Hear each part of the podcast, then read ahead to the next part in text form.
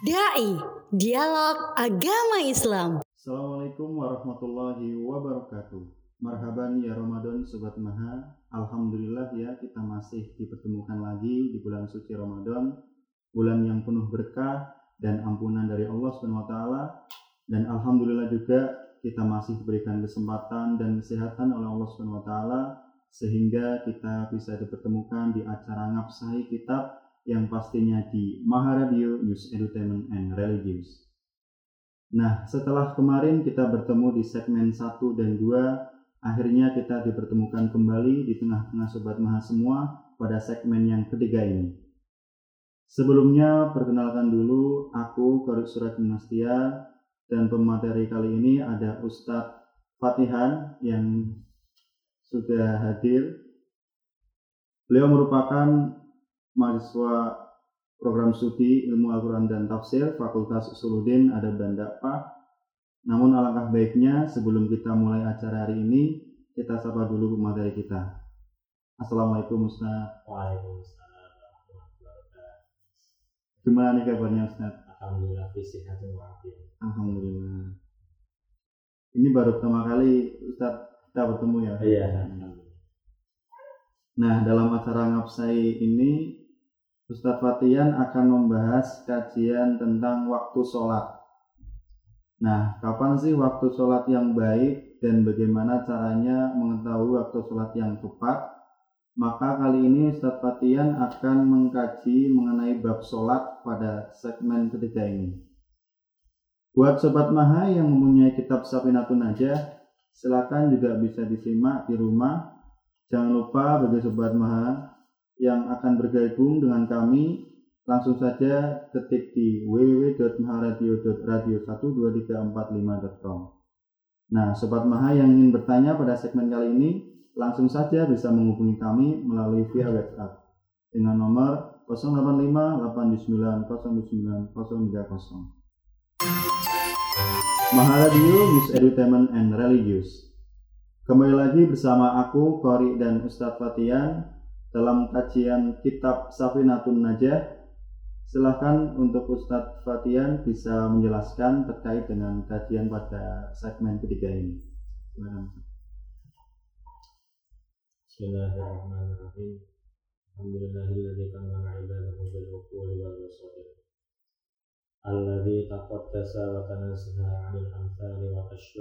ibadahu. Wassalatu wassalamu ala man taba'ada 'anil kaba'iri bal wa 'anis saghair. Sayyidina wa maulana Muhammadin wa ala alihi wa sahbihi wa sallam.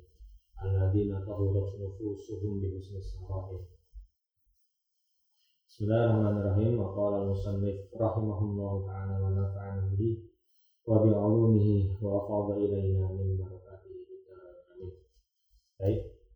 Eh, langsung saja kita akan membahas tentang apa itu waktu sholat. Karena di antara syarat sahnya sholat yaitu sudah masuk waktunya sholat. Alhasil kebalikannya kalau kita melaksanakan sholat sebelum pada waktunya otomatis sholatnya tidak tidak sah. Nah, alangkah baiknya kita mengerti waktu-waktu sholat yang eh, harus kita ketahui duhur, asar, maghrib, isya, subuh. Mungkin sekarang itu waktunya sudah gampang. Teknologi modern sudah menunjang. Iya, betul. Nah, tapi ada satu eh, ada satu makalah dari kiai saya, dari gurunya guru saya, yaitu Kiai Haji Sadal Mahfud, kasih tahu semua ya. Al muhafadzatu ala qabil sholih wal akhdhu bil jadidil aswah. Jadi kita melanggengkan tradisi, eh, salafus soleh para kaum soleh terdahulu itu bagus. Akan tetapi jika kita mengambil sesuatu hal yang baru dan menunjang untuk kepentingan eh, Islam nah itu juga aswah lebih baik lagi. Nah tapi kita menggabungkan dua duanya itu makanya kita yang modern tapi tetap tidak meninggalkan patokan dari para salafus soleh yang pengarang kita. Baik di kitab Safinatun Najah ini dijelaskan faslun awqatus sholati khamsun. Awqatus sholati utawi piro-piro waktu nih sholat khamsun itu ono apa? Tambah satu awal waktu duhri utawi kawitane waktu zuhur zawalu syamsi iku ling sire srengenge. Wa akhiruhu utawi ka akhire waktune uh, salat zuhur masiru dhilli syai'i iku dadine ayang-ayange suci-suci mislahu iku ngumpamani asyai'i. Tapi ghairu dhillil istiwa sak liyane ayang-ayang waktu istiwa wa awal waktu asri utawi kawitane waktu asar. Saya jelaskan satu-satu aja ya waktu zuhur itu waktu asar nah, baik. Yang sekarang eh, zuhur dulu. Kita tahu yang memang sudah sepakat bahwasanya kita sholat lima waktu. Yang pertama yaitu zuhur. Awalnya itu dari eh, lingsir lingsir itu apa ya istilah Indonesia-nya? Itu ya memuncak matahari semakin memuncak. Nah uh, ketika matahari sudah di atas kepala itu tanda-tanda tanda-tanda maksudnya waktu sholat zuhur. Kemudian akhirnya kapan? Kalau kita tahu awalnya kemudian kita juga harus tahu akhirnya. Waktu akhir dari kita mengerjakan sholat zuhur atau waktu zuhur itu yaitu ketika bayangan suatu bayangan suatu benda terus bayangannya itu sama. Bisa dipahami hmm. ada benda ditaruh di terik matahari terus kan pasti ada bayangannya. Lah itu bayang misalkan bendanya itu tingginya 5 cm bayangannya itu sama 5 cm seperti itu. Mudah dipahami hmm. waktu sholat dulu. Kemudian sholat asar wa awal waktu asri utawi kawitane waktu sholat asar ida sorot ing dalam iku ing dalam nalikane jadi zillu kulli syai'in mislah. Itu dan nalikane jadi apa ayang-ayangnya saben saben suci-suci mislah itu mumpamane syai' wa zada tambah apa zillu kulli syai' qalilan hal siti. Wa akhiruhu tawi akhire uh, waktu asri huruf syamsi itu terbenami matahari. Kemudian sekarang waktu asar kapan waktu asar nah ini runtut pasti karena berunutan ya ketika akhir sholat duhur kemudian masuk waktu sholat asar. Tetapi kapan sholat asar itu bisa dikerjakan? Ketika sama, berarti akhirnya sholat duhur, kemudian masuk waktu sholat asar. Akan tetapi ada perbedaan sedikit. Kalau tadi akhirnya sholat duhur itu ketika bayangan suatu benda sama dengan benda tersebut panjangnya. Kalau ini waktu sholat asar itu awalnya masuknya ketika bayangan suatu benda itu tambah sedikit. Misalkan benda itu 5 cm benda itu 5 cm tambah sedikit bayangannya. Bisa 7 cm atau 6,5 cm nah itu berarti masuk sholat asar. Nah kemudian akhirnya sholat asar waktunya sholat asar yaitu ketika terbenamnya matahari. Otomatis kalau terbenamnya matahari masuk lagi waktu sholat maghrib eh berunutan kok ini udah ya ya Wa terus wa awal waktu maghribi utawi kawitane waktu maghrib huru syamsi iku terbenami matahari wa akhiru utawi akhire eh, waktu maghrib huru syafaqi iku surupe awan mego al ahmari kan abang. Nah, kemudian berarti masuk tuh eh, ketika terbenamnya terbenamnya matahari masuk sholat maghrib. Kemudian kapan? Kapan akhirnya dari sholat maghrib? Yaitu ketika eh, mega ataupun mego ini apa? Awan ya? Awan itu awan yang merah itu sudah tidak kelihatan.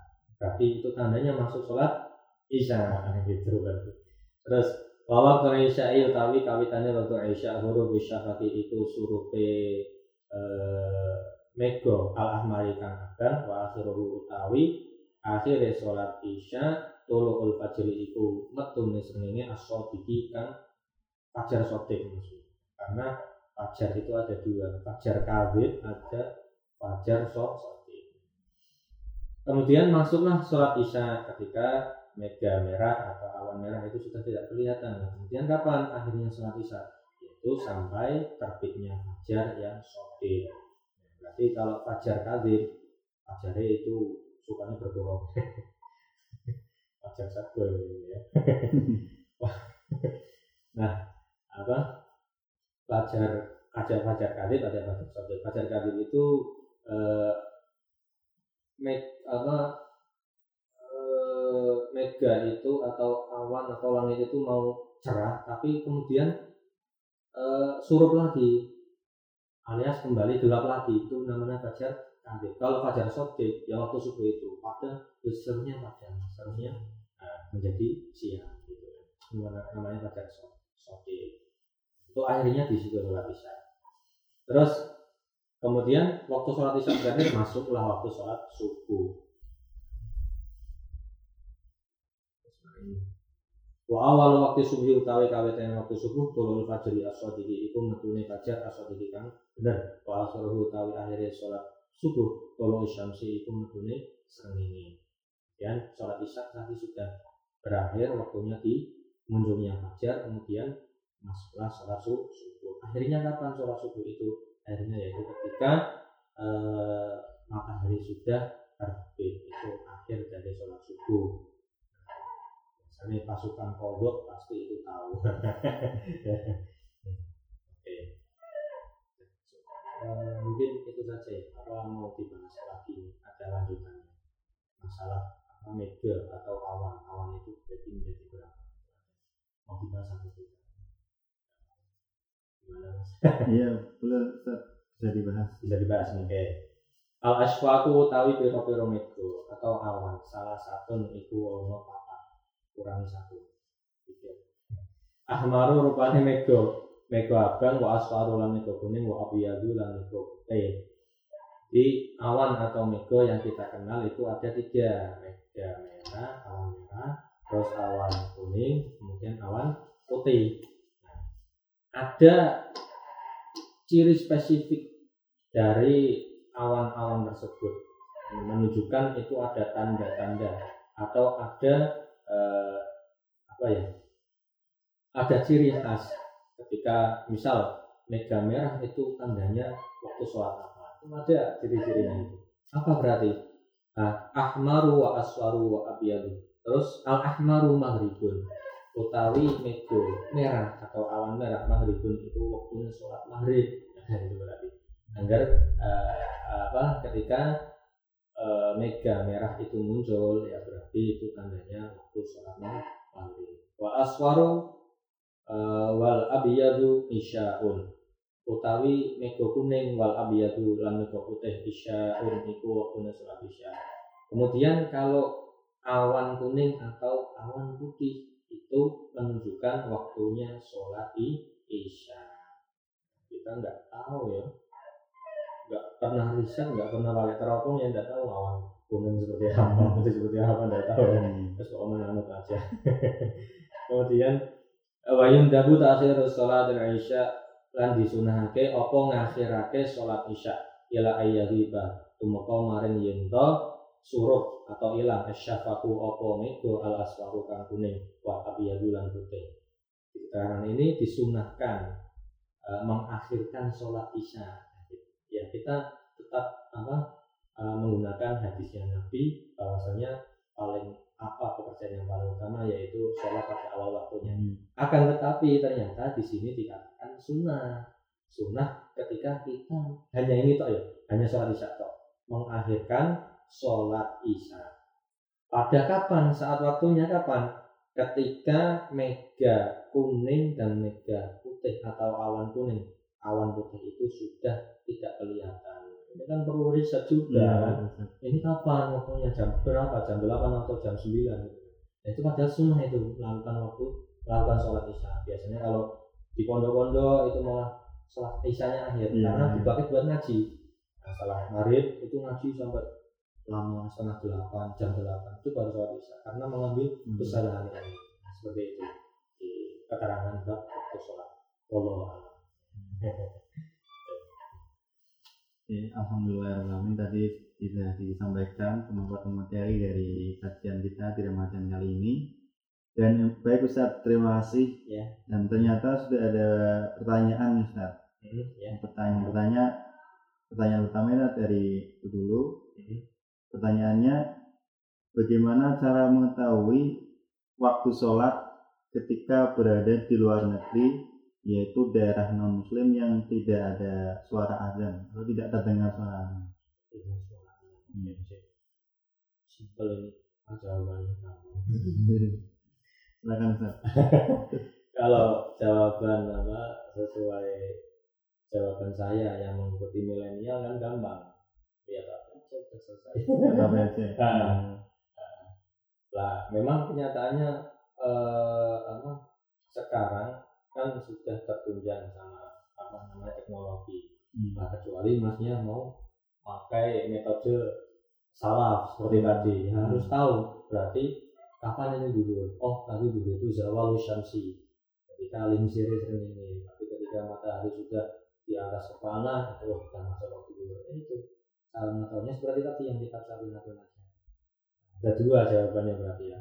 Kalau mengikuti apa namanya jawaban saya yang sekarang apa mengikuti milenial berarti lihat aja. Apa ya? Wah udah udah selesai itu. Atau mungkin mau mantap lagi pakai metode salah pakai metode kitab. Ya lihat aja di kitab Sakinah aja tadi udah. Udah bisa untuk acuan untuk kita melihat atau eh, tahu kapan waktu sholat di mana pun itu luar negeri atau Indonesia sendiri atau di mana bisa itu Terima kasih Ustaz. Ini ada pertanyaan satu lagi nih Ustaz terakhir ya. Tapi ini pertanyaan pertanyaannya agak eh, melenceng dari pembahasan kita kali ini. Eh.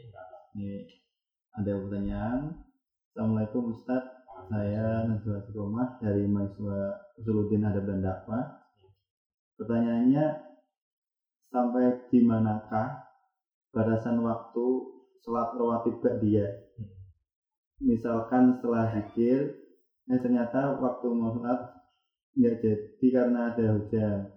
Kemudian ditinggal ngangkatin jemuran misal atau misal yang lain setelah zikir wudhunya sudah batal kemudian tinggal wudhu lagi. Apakah dalam kondisi seperti contoh tadi masih boleh sholat ba'diyah Ustaz? boleh banget boleh banget tadi misalkan contohnya kasus ya mau melaksanakan sholat ba'diyah akan tetapi ternyata wah hujan lupa kok masih ada jemuran di rumah. Nah, langsung bergegas kemarin jemuran loh timbang kita sholat dah usuk. Ya kan? Otomatis kita eh, mengangkat jemuran dulu. Kemudian kita berpikir ah bukan sholat ba'diyah itu dilakukan setelah sholat fardu kan? Hmm. Qobliyah juga kan berarti sebelum sholat fardu. Nah ini kok ada jeda berarti. Apakah kita itu harus melakukan sholat ba'diyah itu eh, seketika, seketika ketika setelah sholat fardu langsungan, setelah zikir atau langsungan? Ternyata tidak, Mas. ternyata tidak fauron atau coro bahasa Jawanya itu sak naliko langsung, tidak perlu. Andai saja katakan sering ini bolak balik ketika subuh subuh itu baru bangun azan baru wudhu terus bersih bersih ya bersih bersih wudhu ganti pakaian. Ternyata sudah komat wah ini enggak enggak apa enggak bisa melakukan sholat sunnah qobliyah kan? Qobliyah subuh kan? Padahal padahal khairun minat dunia wa ma fiha kan? Hmm. dikatakan Nabi sholat sunnah qobliyah subuh itu lebih baik daripada eh, dunia dan seisinya. Itu kan wah emang ini gimana terus? Saya nggak melakukan sholat sunnah qobliyah ternyata setelah sholat subuh itu masih bisa melakukan sholat sunnah Oh. qobliyah nah ini dalilnya saya ambil dari kitab Matan Minhaj Imam Nawawi. Wa yadkhulu waqtu rawatib qabla al-fardhi bi dukhuli waqti al-fardhi wa ba'dahu bi fi'lihi. Wa yakhruju naw'ani bi khuruji waqti al-fardhi nah kita tahu kita mengetahui bahwasannya bahwasannya eh, sholat sunnah rawatib itu masuk ketika sholat fardu itu masuk juga. Hmm. Nah, gitu kan. Berarti masuk satu azan duhur, sholat sunnah qobliyah, duhur masuk. Dan juga badiah gitu. Iya. akan tetapi akhirnya dari sholat sunnah qobliyah dan ba'diyah itu itu juga sampai akhir atau selesainya waktu dari sholat fardu itu berarti misalkan jedanya masih panjang sholat duhur setengah tiga baru ba'diyah itu tidak apa-apa. Kan masih ada waktu sholat. Iya, duhurnya masih ada. Melakukan ba'diyah tidak apa-apa. Gitu ya. Jadi bisa dipahami ya. Berarti jawabannya kok boleh Hmm. Oke Ustadz, eh, aku ucapin terima kasih kepada Ustadz Oke, Batian yang berkenan hadir pada segmen ketiga ini. Aku juga ucapin terima kasih kepada Sobat Maha yang sudah stay tune dari awal acara hingga akhir acara ini. Mohon maaf jika ada kesalahan tutur kata dan semoga pembahasan kali ini bisa bermanfaat untuk Sobat Maha ke depannya. Nah demikian kajian di segmen 3 ini. Alhamdulillah aku dan Sobat Maha banyak sekali mendapatkan ilmu dari beliau. Mudah-mudahan kita dapat mengambil pelajaran dan manfaat apa yang telah disampaikan. Demikianlah kajian waktu sholat dari kitab Safinatun Najah. Pada kali ini lagu penutup aku bakalan muterin lagu dari Mahazen yang berjudul Thank You Allah. Nanti insya Allah kita akan bertemu di segmen selanjutnya. Aku Korik Surat Nasiar pamit undur diri. Wassalamualaikum warahmatullahi wabarakatuh. Waalaikumsalam.